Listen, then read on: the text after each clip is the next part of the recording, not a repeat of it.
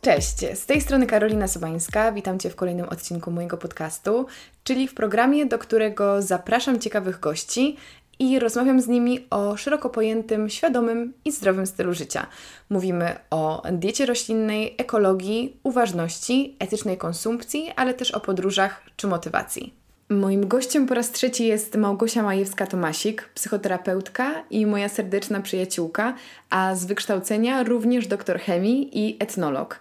Razem współtworzymy codziennik, czyli wyjątkową książkę do pracy nad sobą, w której każdego dnia odpowiadacie na jedno pytanie ułożone przez specjalistów od psychoterapii i coachingu po to, aby lepiej poznać siebie i zrozumieć swoje emocje i potrzeby. Z okazji tego podcastu mamy dla Was wyjątkową promocję, bo właśnie na hasło podcast dostaniecie 10% zniżki na zakup codziennika, ale uwaga, trwa ona tylko do końca tego tygodnia, czyli do 15 grudnia. Poszczegóły dotyczące codziennika odsyłam Was do notatek z tego odcinka pod spodem, ale również zachęcam do wysłuchania poprzednich rozmów z Małgosią. Pierwsza z nich dotyczyła psychoterapii ogólnie, tego czym ona jest, a czym nie jest i komu jest potrzebna. Za to w drugiej odpowiadałyśmy na Wasze pytania dotyczące zdrowia psychicznego. Mówiłyśmy o fobiach, o lękach, o depresji i wielu, wielu innych.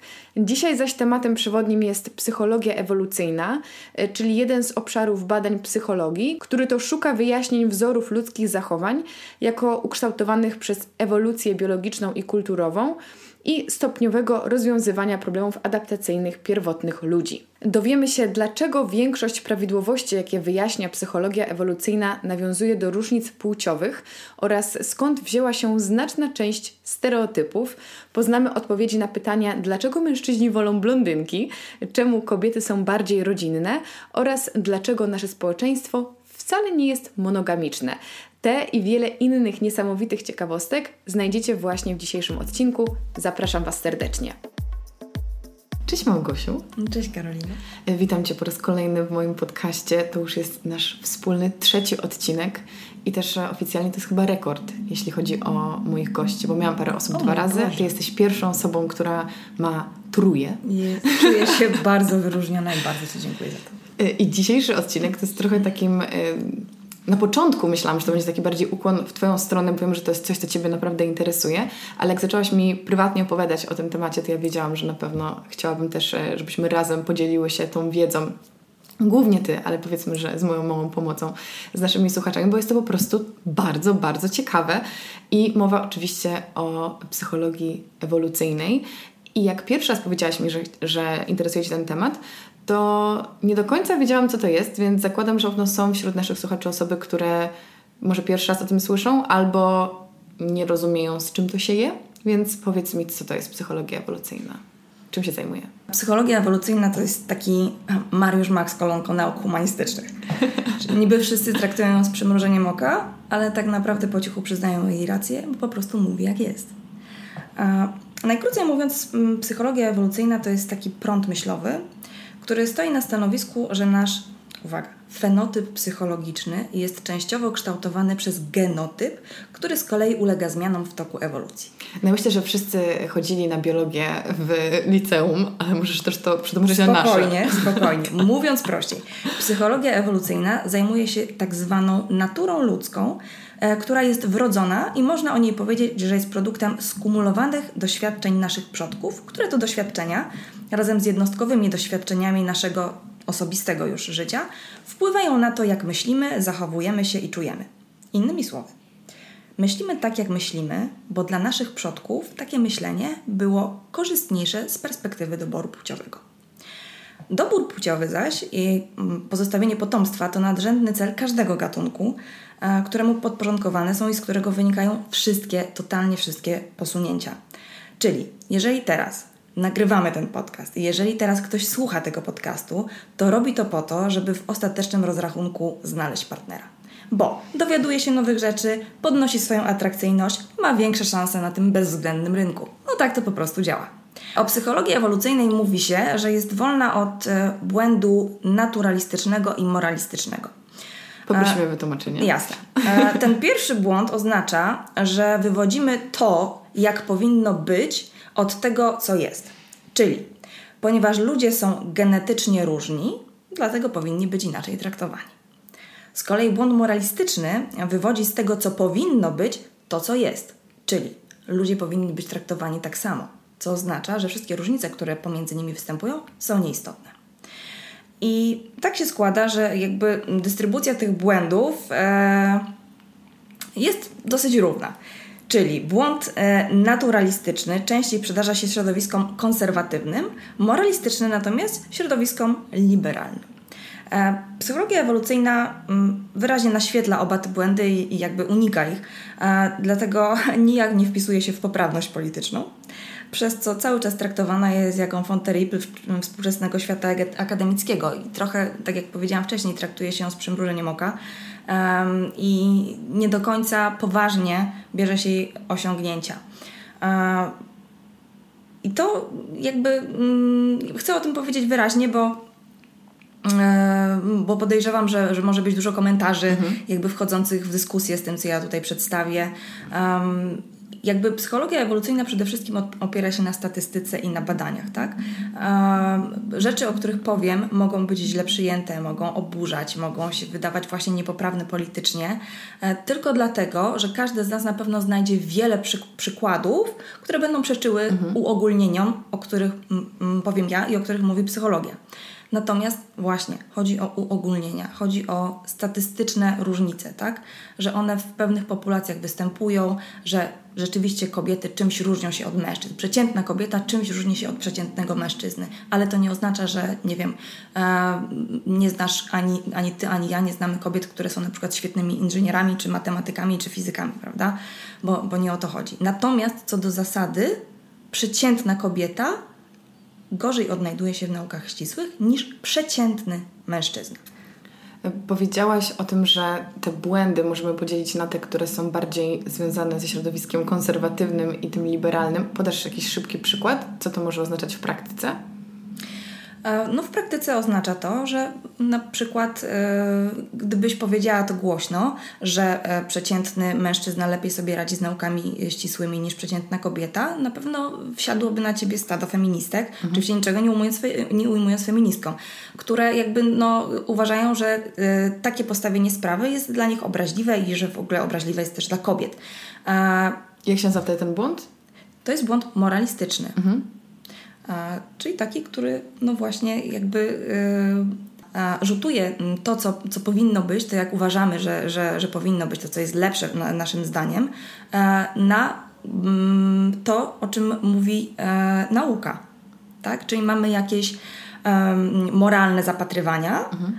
i próbujemy pod nie podciągnąć e, obserwację empiryczną. No to teraz podajmy przykład jakiejś sytuacji odwrotnej, związanej z tym środowiskiem konserwatywnym. I wtedy będzie to błąd natury naturalistycznej. Natury naturalistycznej.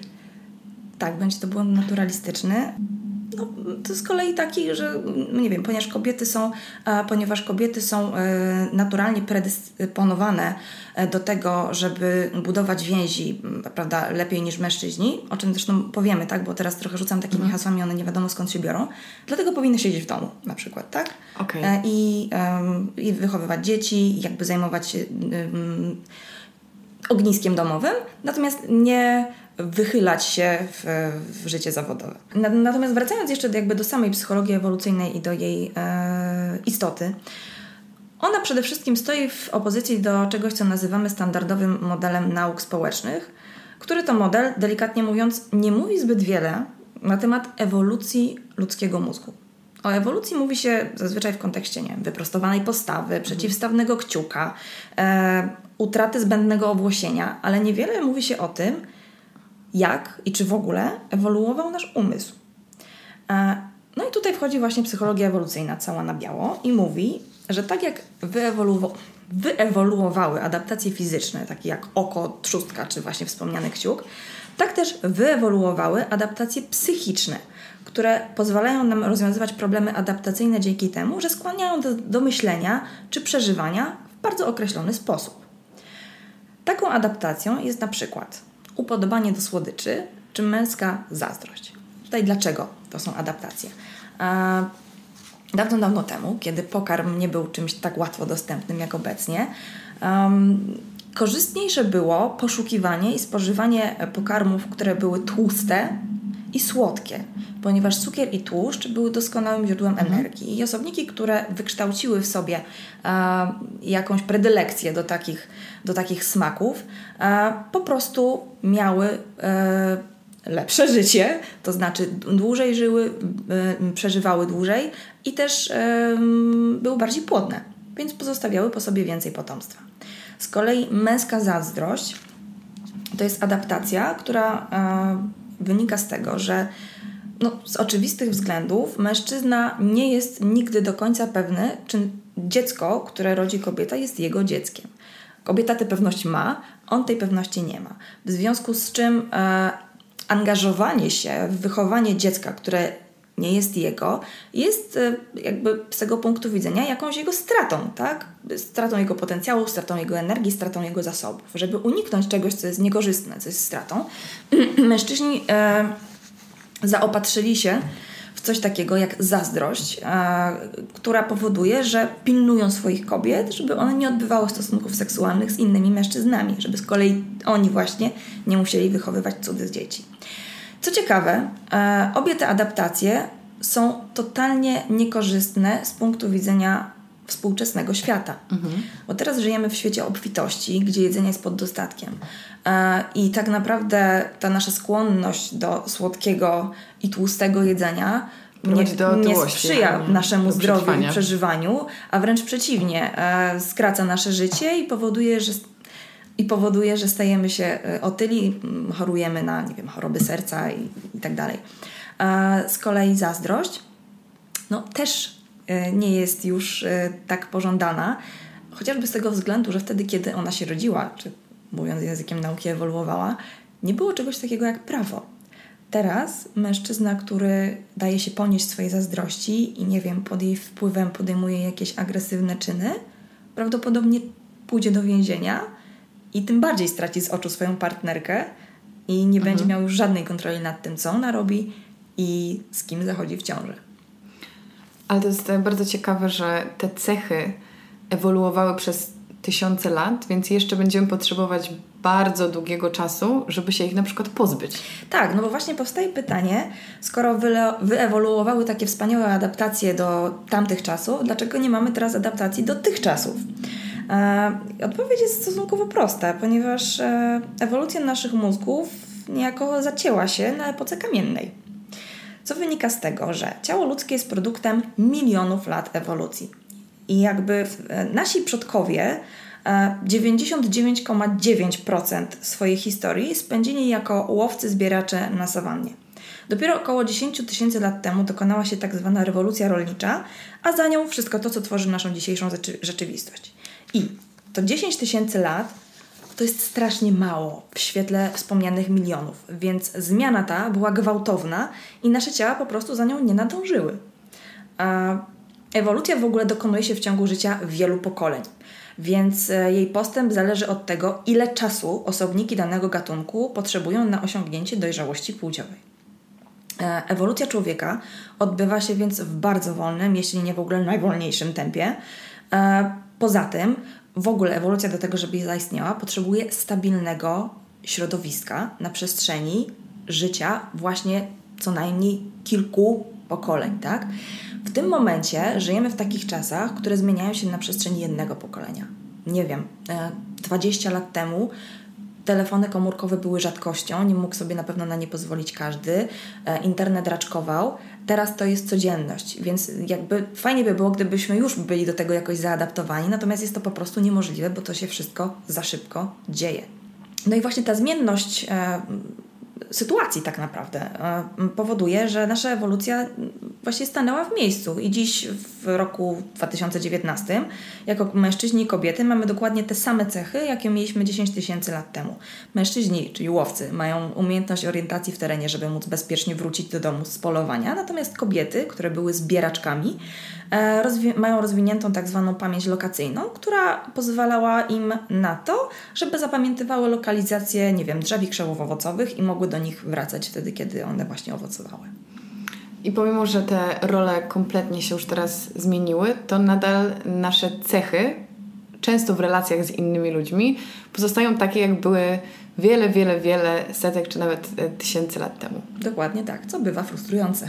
Na początku użyłaś stwierdzenia, że to, o czym mówi psychologia ewolucyjna, to są w dużej mierze uogólnienia. E, I to przywodzi mi na myśl takie hasło jak stereotypy, i obawiam się trochę, że pewne pytania, które Ci zadam i przykłady, które będziemy omawiać, mogą kojarzyć się naszym słuchaczom właśnie z takim stereotypowym, oklepanym, banalnym myśleniem.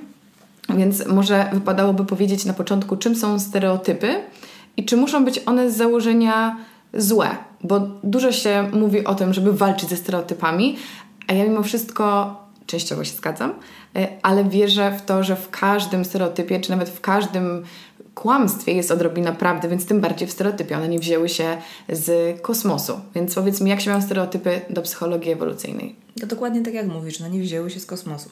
Ja może zacznę z wysokiego C i, i odwołam się do słów e, Waltera Lipmana, czyli mm, takiego pierwszego badacza, który się w ogóle poświęcił tematyce stereotypów. I on e, określił je jako obrazy w naszych głowach. E, obrazy, które wpływają na nasze myślenie, postępowanie i zachowanie. No i właśnie, słowo obraz nie jest tutaj przypadkowe, bo z obrazem jakby ciężko jest dyskutować, nie? Koniak jest, każdy widzi. E, przez to stereotypy mają w kulturze taką rolę szybkiej, gotowej odpowiedzi, której się nie kwestionuje, nie? ich zadaniem jest upraszczanie świata. W dzisiejszych czasach, no właśnie, tak jak powiedziałaś, zwykliśmy się zrzymać na te uproszczenia e, i wyśmiewać stereotypy. Sęk jednak w tym, że duża część z tych stereotypów to empirycznie udowodnione uogólnienia, potwierdzone statystycznie, a tym samym na ogół odpowiadające prawdzie. Ich problem polega jedynie na tym, że nie zawsze są prawdziwe w odniesieniu do pojedynczych przypadków, tak? Czyli tak jak, tak jak wspominałyśmy wcześniej, e, co, do, co do tych, nie wiem, zdolności technicznych. Co do zasady, mężczyźni radzą sobie lepiej, ale znajdziemy masę kobiet, które radzą sobie równie dobrze albo, albo jeszcze świetniej. E, innymi słowy, od stereotypów są wyjątki, i nigdy nie wiadomo, kiedy akurat z takim wyjątkiem mamy do czynienia. I to jest jakby to ryzyko e, i ten minus e, stereotypów.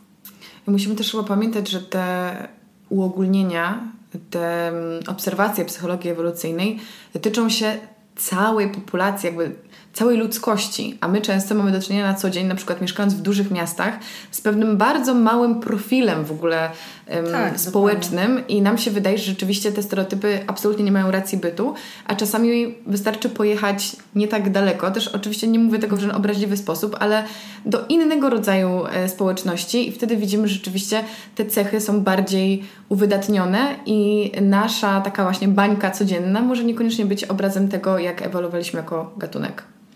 No właśnie, użyłaś słowa bańka i ja też jak Cię słuchałam pomyślałam sobie, że my żyjemy właśnie w takiej bańce tego błędu moralistycznego, nie? Za chwilę przejdziemy do takich konkretnych przykładów, które moim zdaniem są po prostu fascynujące, e, ale wydaje mi się, że też możemy dodać, że większość tych przykładów dzieli się na wersję żeńską i męską, także e, już wspomniałaś, że te podziały rzeczywiście wynikają z różnych ról społecznych, ale może kwoli takiego przypomnienia, z czego to wynika, że mamy tyle różnic i że te cechy, o których będziemy mówiły, zazwyczaj odnoszą się albo do kobiet, albo do mężczyzn. A więc e, zgodnie z wyjaśnieniem e, wspomnianego już wcześniej standardowego modelu nauk społecznych, czyli tego modelu, e, w opozycji do którego stoi psychologia ewolucyjna, przyczyną tych różnic jest socjalizacja do ról płciowych. E, czyli męskie i żeńskie niemowlęta rodzą się identyczne, no z wyjątkiem paru różnic anatomicznych, e, które to różnice nie obejmują mózgu. E, dopiero w procesie socjalizacji pojawiają się różnice, chłopcy są zachęcani do agresji, a dziewczynki do troskliwości, no i to powoduje, że w efekcie jesteśmy kobietami i mężczyznami troszkę od siebie się różniącymi. Gdyby jednak wychowywać dzieci neutralnie, byłyby takie same. Sęk w tym, że różnice międzypłciowe ujawniają się tak naprawdę od pierwszego dnia życia. Przeprowadzono kiedyś eksperyment, e, w którym niemowlętom, właśnie jednodniowym noworodkom, e, pokazywano kobiecą twarz i mechaniczną zabawkę, nie wiem, czy samochodzik, czy koparkę, coś takiego. I z tych badań wynikło, że dziewczynki dużo chętniej i dużo dłużej patrzyły na twarz, a chłopcy na zabawkę. Co jeszcze ciekawsze, eksperyment ten został powtórzony na zwierzętach, na małpach, e, którym z kolei dano do zabawy, już nie do patrzenia, tylko do zabawy, szmacianą laleczkę i chyba garnuszek e, i e, piłkę i auto. I mierzono czas, jaki te, te małpy poświęcały tym zabawkom. I znowu okazało się, że samice tego gatunku znacznie chętniej i znacznie dłużej zajmowały się lalką i garnuszkiem, z kolei samce autkiem i piłką. Różnice te, o których mówimy, należy tłumaczyć nie socjalizacją, no bo ciężko mówić o tym, żeby ktoś został socjalizowany w ciągu jednego dnia, prawda? E, ale jakimś wrodzonym zróżnicowaniem natury ludzkiej na męską i żeńską, a socjalizacja pomaga jedynie uwydatnić i wzmocnić te różnice. Innymi słowy, kobiety i mężczyźni nie są różni, bo inaczej się ich wychowuje, tylko wychowuje się ich inaczej, bo są różni. Natomiast pozostaje pytanie, jakby co powoduje, że te różnice w ogóle są. Odpowiedź znowu jest prosta i można ją zamknąć w jednym zdaniu. Powoduje to anizogamia i ciąża. Anizogamia. Tak. Piękne słowo. Co Czeka, znaczy? Czekałam, aż dopytasz, otóż już mówię.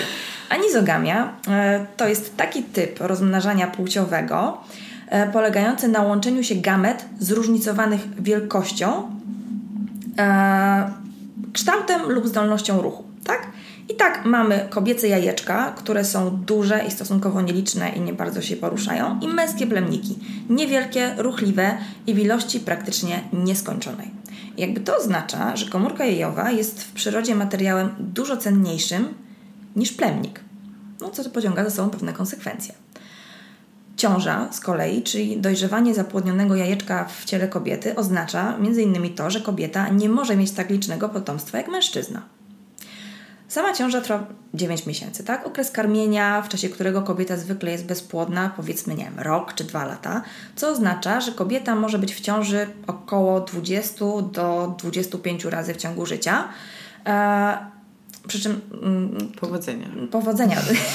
tu chciałam powiedzieć, że rekordzistką jest żona XVIII-wiecznego rosyjskiego chłopa Fiodora Wasiliewa, która urodziła dokładnie 69 dzieci, przy czym nigdy Takie nie była... czworaki? Tak, nigdy nie była w pojedynczej ciąży. Okay. Miała wielokrotnie czworaczki, trojaczki, bliźnięta. Jestem ciekawa, ile z tych dzieci przeżyło. Właśnie, bardzo dobrze, że pytasz, bo to też wiadomo, że tylko dwójka z tych dzieci nie dożyła dorosłości. Żartujesz? Tak. Wow, tak, tak to tak, oni mieli bardzo silne geny. Bardzo silne geny. E, ale wracając, e, możliwości e, reprodukcyjne mężczyzny z kolei są poten potencjalnie nieograniczone. I tutaj rekordzistą jest sułtan Maroka, e, Mulaj Ismail Boję się. który doczekał się e, co najmniej 1042 potomków. O Boże, myślałam, że powiesz jakieś 300. Nie, a prawdopodobnie więcej, bo po prostu po tym tysiącu przestano liczyć. E, on miał... E, nie pamiętam dokładnie, czy 700 córek i 300 synów, albo odwrotnie, co, co akurat w kontekście psychologii ewolucyjnej yy, jest istotne, natomiast niestety tego nie pamiętam. W każdym razie, te dwa, te dwa zjawiska, tak, czyli ciąża i anizoginia, pociągają za sobą istotną konsekwencję, jaką jest różnica między płciami z punktu widzenia tak zwanego sukcesu reprodukcyjnego. Po pierwsze, dużo większy odsetek mężczyzn niż kobiet pozostaje bezdzietny. Więc jakby najgorsze, co może się wydarzyć dla mężczyzny, czyli bezdzietność, jest dużo gorsze niż dla kobiety. Bo skoro kobiety rzadziej są bezdzietne, mhm. no to powiedzmy, że dla nich najgorsze jest to, że urodzą jedno dziecko. Tak? Po drugie, duży odsetek mężczyzn ma taką liczbę dzieci, która dla kobiet jest niedostępna. A więc najlepsze, co może się przydarzyć dla mężczyzny, jest istotnie lepsze niż najlepsze to, co się może wydarzyć dla kobiety. Tak? Mhm. Tak? 1000 versus 69. E, w odpowiedzi na to pytanie jest także istotny fakt, że ludzie z natury skłaniają się ku poligynii. E, o czym świadczy to, że dotychczas w zasadzie nieznane jest antropologom społeczeństwo rygorystycznie przestrzegające monogami. w sumie my byśmy mogli powiedzieć, że żyjemy w społeczeństwie monogamicznym, ale to jest pozór, bo...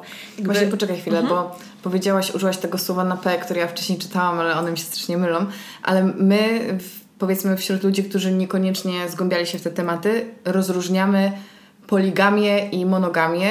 Monogamię rozumianą jako bycie z jednym partnerem i poligamię jako posiadanie wielu partnerów, natomiast wiem, że są jeszcze dwa pojęcia, które nazywają się właśnie poligynia i poliandria i to są, rozumiem, takie podpojęcia poligami. Tak? I właśnie użyłaś jednego z nich. Tak, tak, tak, bo poligamia to jest, tak jak powiedziałaś, wiązanie się z wieloma partnerami. Natomiast poligynia to jest sytuacja, w której mężczyzna ma wiele kobiet, natomiast poliandria to jest sytuacja, w której kobieta ma wielu mężczyzn.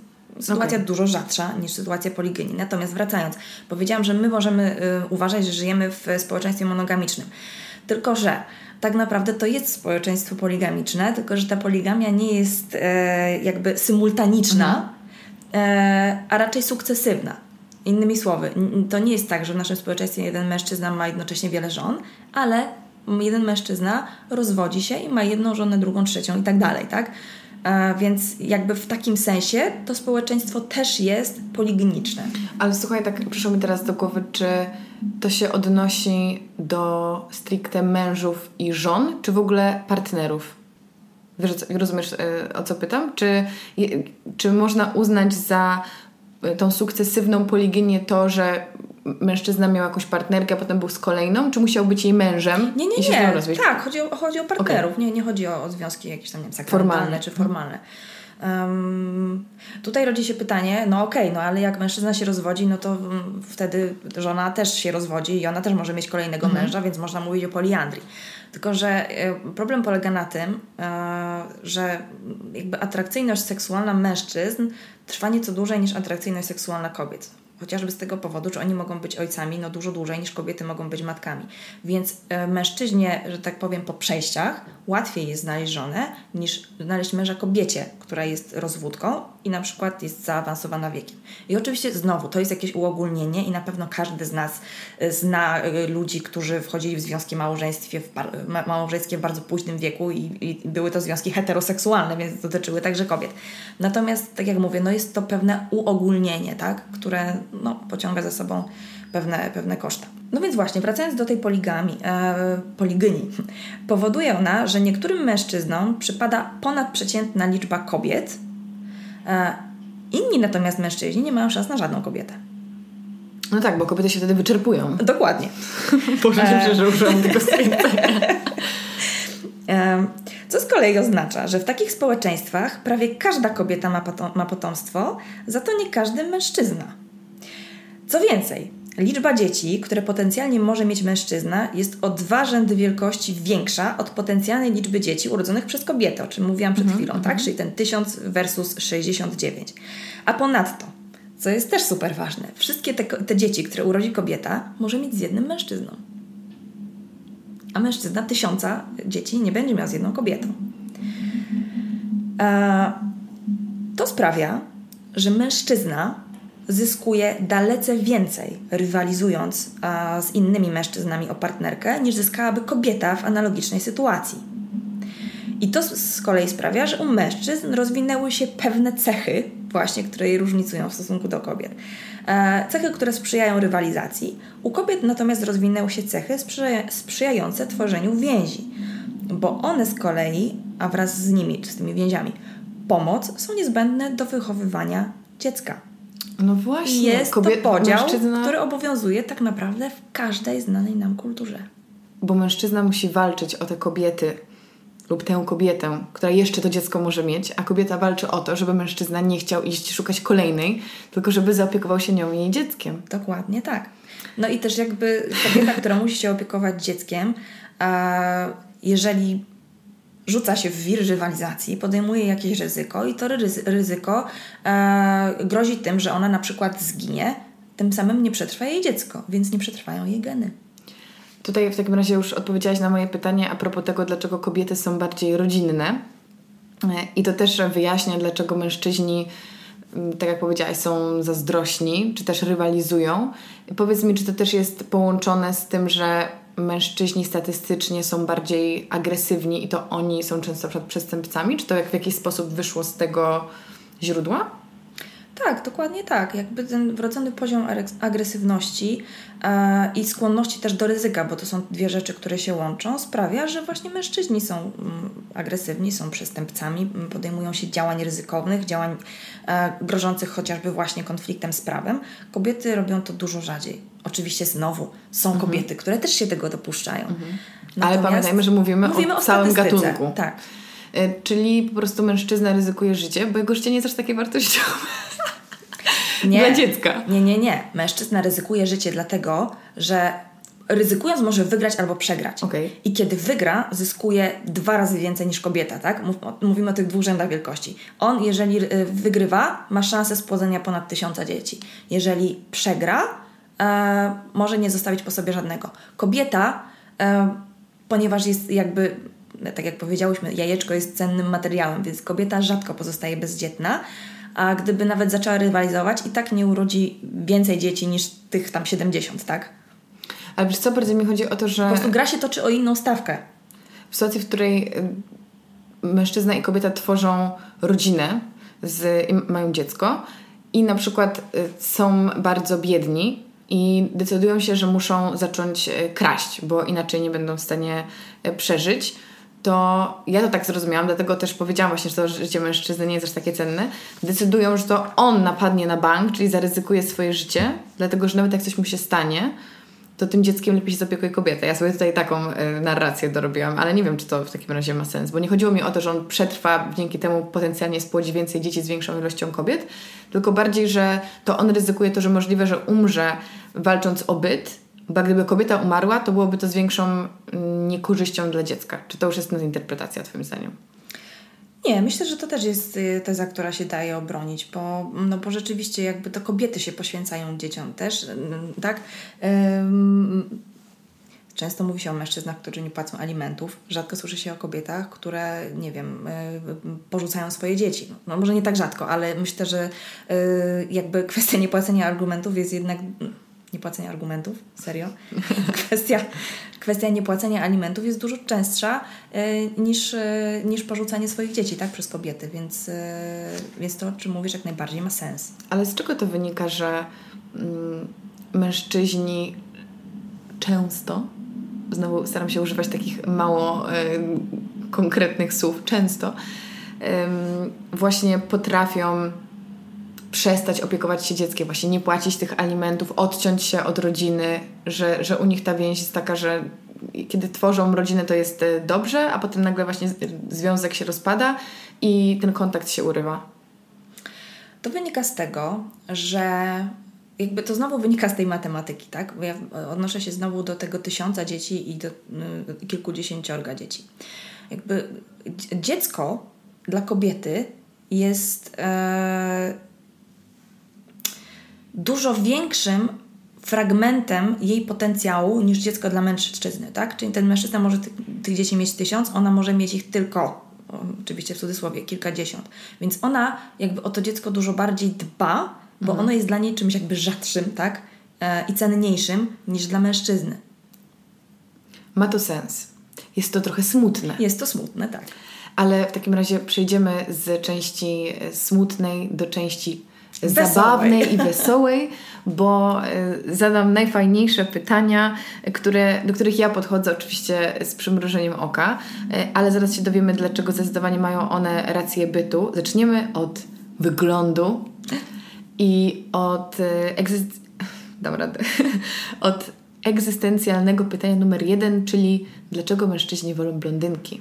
I to pyta brunetka blondynki, więc dowiedzmy się. Tak, e, no właśnie. Myślę, że e, można się już domyślać odpowiedzi i po, po wysłuchaniu e, podcastu do tego miejsca. Dla mężczyzny, znaczy dla mężczyzny i dla kobiety, jakby podstawowym celem życiowym jest pozostawienie po sobie potomstwa. Ten cel. Ewolucyjnie. Tak. Ten cel ma szansę się ziścić, jeżeli napotkamy partnerów, którzy są płodni i zdrowi. Oczywiście, jeżeli sami jesteśmy płodni i zdrowi też. I to powoduje, że mężczyźni, poszukując partnerek, zwracają oczywiście podświadomie i dzięki ewolucji uwagę na ich płodność, która objawia się w blond włosach. Nie, która objawia się. Koniec podcastu. O, objawia się w pewien sposób, ale na pewno jest skorelowana z wiekiem. I w przypadku włosów blond bardzo widoczne jest to, że one z wiekiem ciemnieją. Stąd też mężczyźni na podstawie blondynek mogli łatwiej i z większym prawdopodobieństwem trafnej odpowiedzi ocenić, czy ta, ta, kobieta jest młoda czy stara. Bo jeżeli miała jasne włosy, to znaczy, że jest młoda. Jeżeli miała ciemniejsze włosy, to znaczy, że ma już ze sobą kilka lat i niekoniecznie e, współżycie może zaowocować sukcesem, o jaki mężczyźnie chodzi. W przypadku ciemnych włosów po prostu nie widać tak bardzo tej różnicy. To znaczy ciemne włosy są po prostu ciemne. I u, i u małych dzieci, i u starszych e, osób. Czy to jest po prostu los na loterii? Czy ta kobieta będzie młoda i płodna wtedy? I, tak. I, I to jest po prostu duże ryzyko. Znowu, tak? Mówimy cały czas o zarządzaniu ryzykiem. Więc z perspektywy mężczyzny mniejszym ryzykiem jest y, kontakt seksualny z blondynką niż z brunetką. I jakby stąd też bierze się stereotyp, który mówi, że blondynki są głupie. Nie są okay. głupie dlatego, że mają włosy blond tylko są jakby głupsze dlatego, że są młodsze. Jasne blondynki są zazwyczaj młodsze od ciemnych blondynek, więc tym samym mają mniejsze doświadczenia, mniejszy zasób wiedzy, krócej żyją po prostu i dlatego utarło się, że są głupsze. Fascynuje mnie ten temat. Powiedz mi to w takim razie, też można się domyśleć, zakładam, ale taka cecha wyglądu, jeszcze zostając przy kobietach, jak właśnie duży biust, czy w ogóle kobiece kształty, ale nie gruba, mhm. to jakie tutaj są wytyczne, skąd to się wzięło? E, jeżeli chodzi o kobiece kształty, to preferowany przez mężczyzn wskaźnik e, obwodu talii do obwodu bioder to jest 0,7. Hmm. I taki wskaźnik rzeczywiście e, łączy się z najwyższą płodnością i z najwyższym zdrowiem kobiety, tak? ponieważ świadczy o niewielkim otłuszczeniu e, okolic brzucha, e, co jest dla, dla kobiety korzystne. Natomiast pytałaś też o biust, tak? Tak, tak. Natomiast jeżeli chodzi o biust, tutaj sprawa jest podobna jak z włosami. po prostu. Mm, na przykładzie dużego biustu łatwiej jest ocenić wiek, ponieważ duży biust, no... No ja wiem, co powiesz. No ja wiem, wiem. ciebie. Duży biust, jeżeli jest kobieta młoda, to on się lepiej trzyma. Tak, ale jakby on bardziej podlega prawu grawitacji, w bardziej widoczny sposób, tak? I e, jeżeli e, duży biust jest jędrny, to wtedy jest bardziej prawdopodobne, że kobieta jest młoda, niż wtedy, mhm. kiedy mały biust jest jędrny, bo on po prostu... Może taki pozostać. Może taki pozostać, bo jest mały w ogóle przygotowując się do naszej rozmowy, myślałam sobie o tych, nazywając to już stereotypach swego rodzaju i od razu przyszło mi do głowy y, parę cech żeńskich. Natomiast y, jeśli chodzi o mężczyzn, to mam wrażenie, że mówi się, że po prostu na przykład mężczyzna jest przystojny, co w ogóle nie jest żadną definicją, bo dla każdego to oznacza coś innego. I oprócz tego, że prawdopodobnie, tak bym obstawiała, y, podobają się mężczyźni wysocy i szczupli, ale to też jest pojęcie względne, co ta szczupłość ma tutaj oznaczać i jaką budowę, to powiem Ci, że mam wrażenie, że w społeczeństwie nie ma aż tylu takich cech utartych, męskich, wymaganych, jak w przypadku kobiet. Tak, bo jakby w przypadku mężczyzn to nie uroda się liczy. uroda była ważna z perspektywy mężczyzny u kobiety bo jemu mhm. zależało na tym, żeby dziecko spłodzić. Natomiast kobiecie zależy na tym, żeby dziecko wychować. Dlatego ona u mężczyzny zwraca uwagę na inne cechy. Na takie cechy jak zaradność, na takie cechy jak odpowiedzialność, nie wiem, siła, e, takie, które zapewnią jej po prostu bezpieczeństwo. Mm, ale zostając przy wyglądzie, czy są takie cechy męskie, które też się utarły i które są pożądane statystycznie mm, i co zostało zaobserwowane w ewolucji, czy, czy nie? Czy jednak skupienie jest na tych cechach charakteru? E, skupienie jest na tych cechach charakteru. Znaczy, tak jak powiedziałam, mężczyzna wysoki, e, smukły, silny, tak? To jest taki mężczyzna, który, o, o którym można przewidywać, że prawdopodobnie jest zdrowy i płodny. E, natomiast e, właśnie, to jest też ciekawe, że kobiety na kochanków wybierają takich mężczyzn, natomiast na mężów wybierają mężczyzn z tymi cechami, o których wspomniałam wcześniej, czyli z, z takimi cechami jak odpowiedzialność, zaradność i tak dalej. Bo on, jakby one wiedzą, że to im zapewni bardziej stabilne warunki do wychowania ich potomstwa.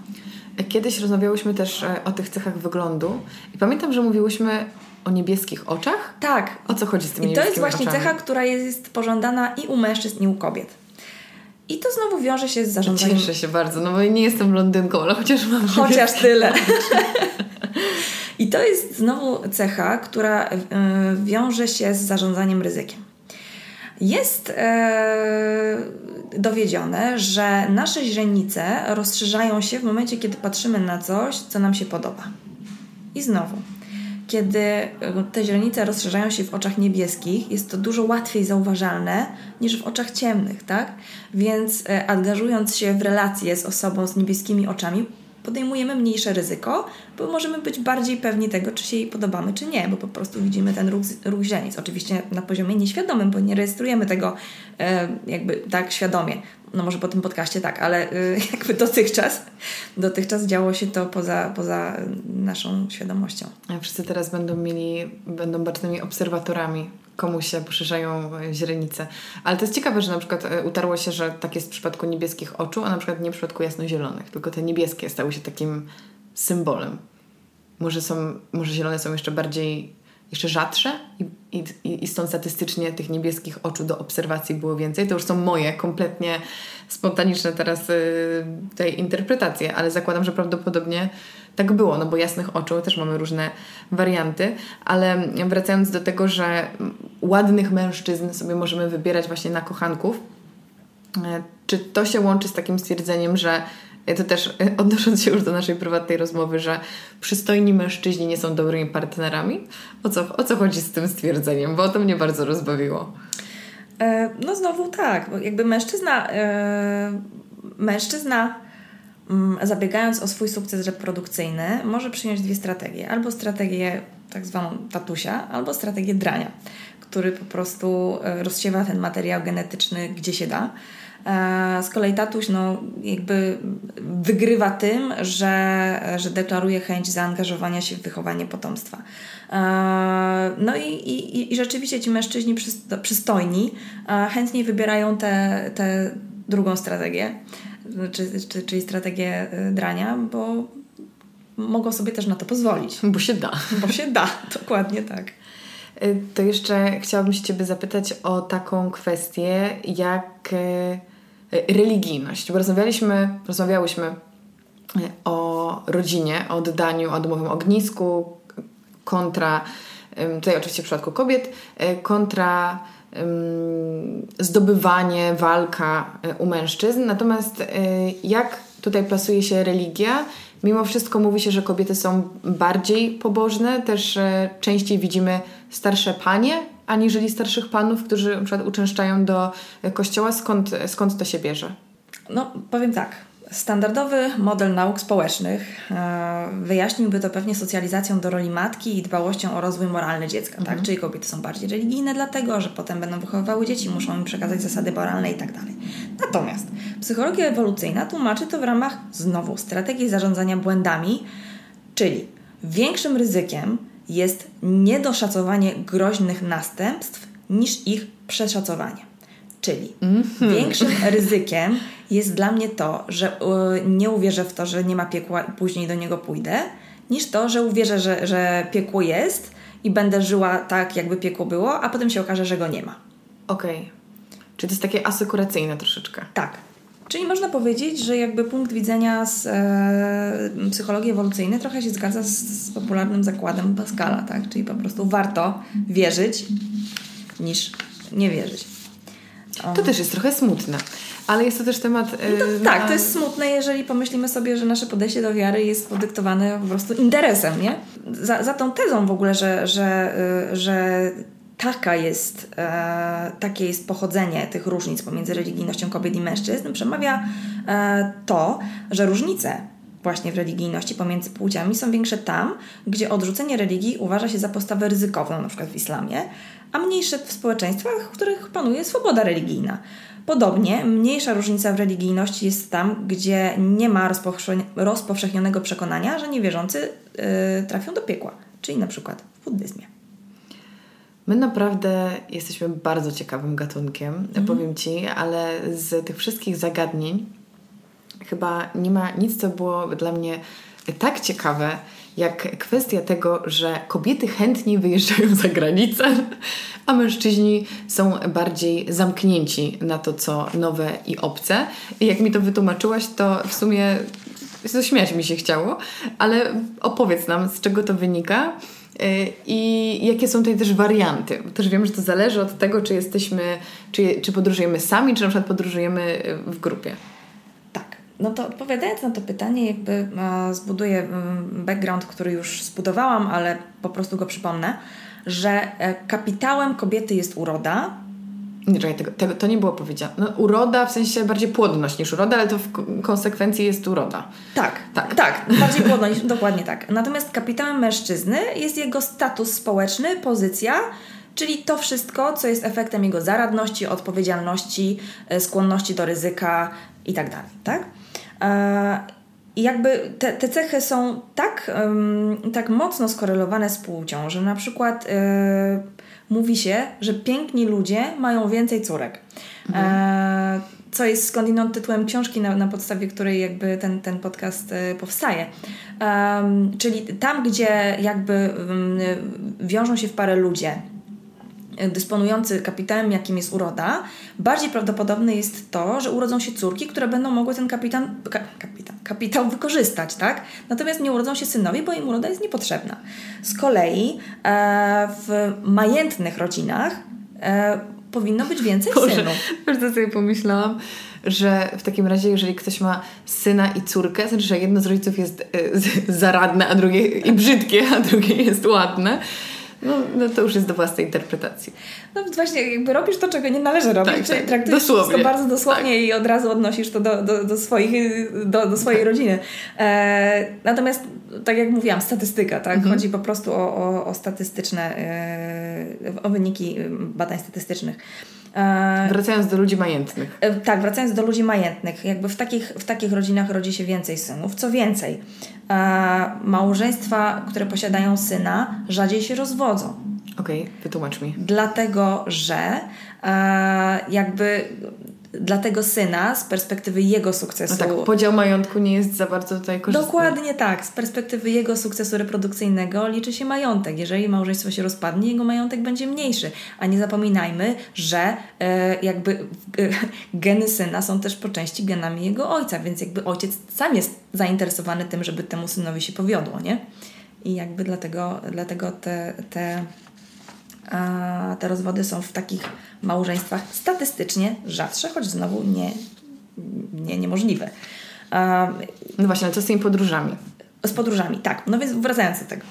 Um, cały widz polega na tym, że uroda jest e, dosyć, powiedziałabym, powszechnym językiem. To znaczy, jeżeli e, ładna Czeszka wyjedzie do Stanów Zjednoczonych, będzie tam nadal bardzo ładną kobietą. Natomiast e, jeżeli mm, bogaty, zaradny, znany w Czechach mężczyzna pojedzie do Stanów i będzie tam próbował poderwać w klubie jakąś kobietę, ona nie będzie miała pojęcia, kim on jest i nie będzie miała też podstaw, żeby się nim zainteresować. Um, I to wszystko powoduje, że kobiety chętnie podróżują, bo jakby ich... Wszędzie są atrakcyjne. Wszędzie są atrakcyjne i wszędzie, wszędzie mają szansę na odniesienie sukcesu reprodukcyjnego. Natomiast mężczyźni mają e, te szanse zdecydowanie większe tam, gdzie wypracowali sobie swoją pozycję. A sytuacja zmienia się, kiedy mówimy o małżeństwach.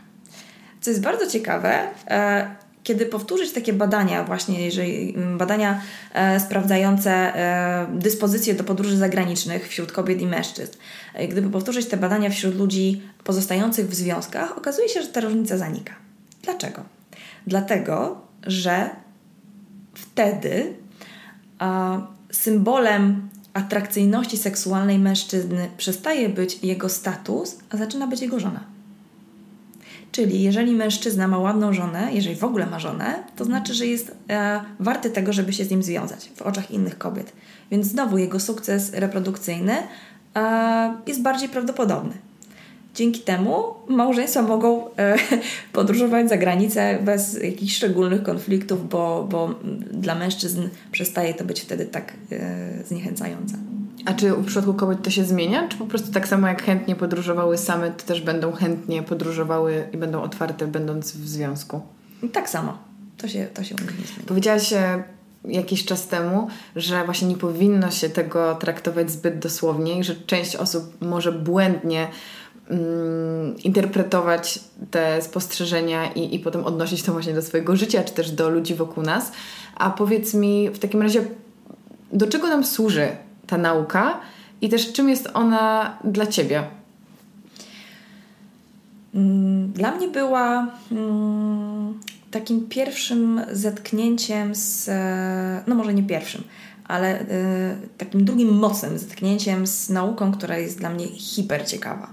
E, ja te, te książki, które są poświęcone psychologii ewolucyjnej, po prostu pochłaniam i.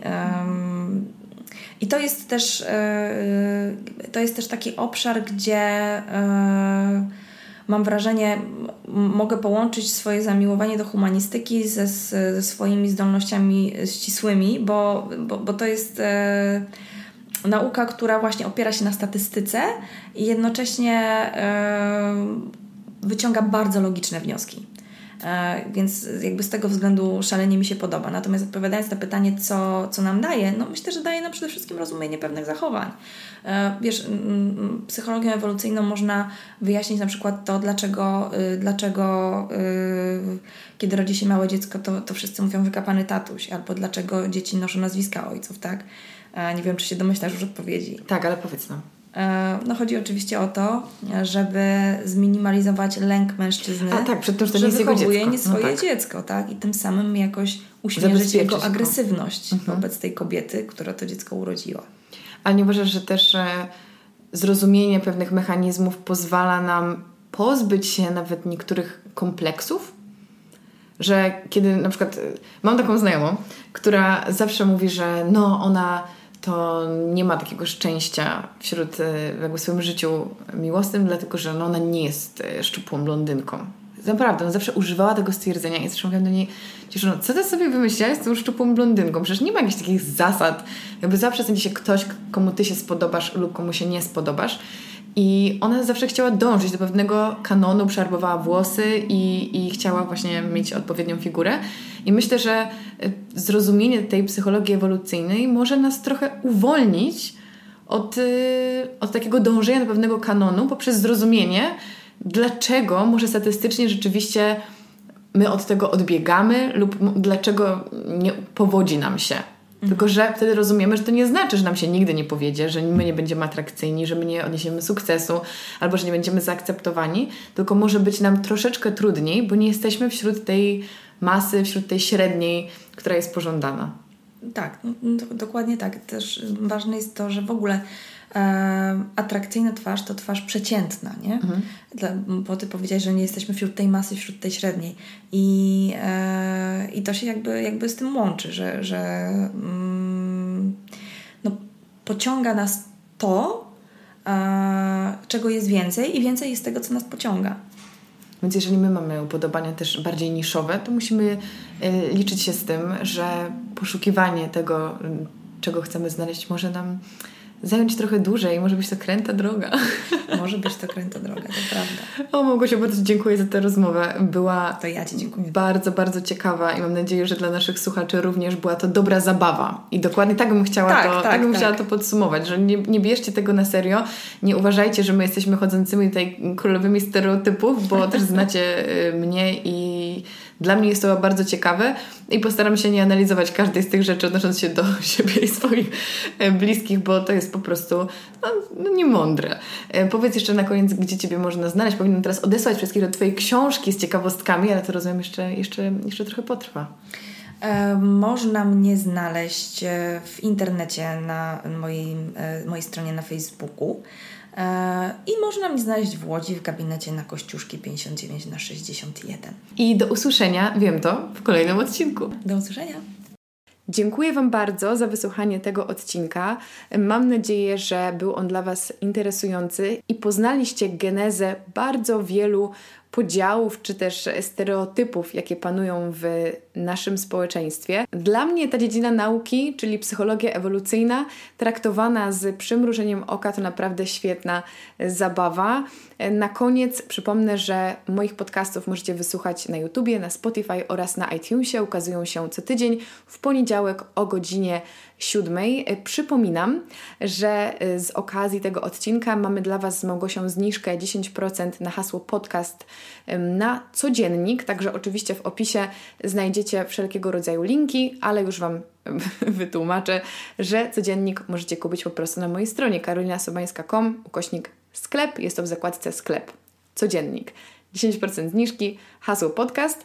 Mm, to było na tyle. Jeszcze na koniec chciałabym Was poprosić, jeśli słuchacie podcastów y, i podobają się Wam one, to będzie mi bardzo miło, jeżeli je ocenicie. Jeżeli słuchacie podcastu na iTunesie w aplikacji podcasty, y, to możecie tam zostawić ocenę. Dowolna ilość gwiazdek, krótkie słowo komentarzu kilka słów komentarza. To bardzo im pomaga, to promuje podcast i dociera on do szerszego grona odbiorców. Na Spotify możecie sobie go oczywiście zaobserwować, na YouTubie dawać łapkę w górę, zostawić komentarz. Tam też lubię z Wami rozmawiać o nowym odcinku i to samo też dzieje się na moim Instagramie. Mam też Instagrama Karolina Sobańska Podcast, tam wrzucam informacje o nowym odcinku i zawsze pytam się o Wasze wrażenia, tam też informuję, że ktoś będzie moim gościem, także bardzo lubię się tam z Wami komunikować i też odsyłam Was na mojego głównego Instagrama, czyli Karolina Sobańska, dlatego że tam, no przyznajmy, dzieje się najwięcej. Także ja dziękuję Wam bardzo za wysłuchanie tego odcinka i słyszymy się już za tydzień. Cześć!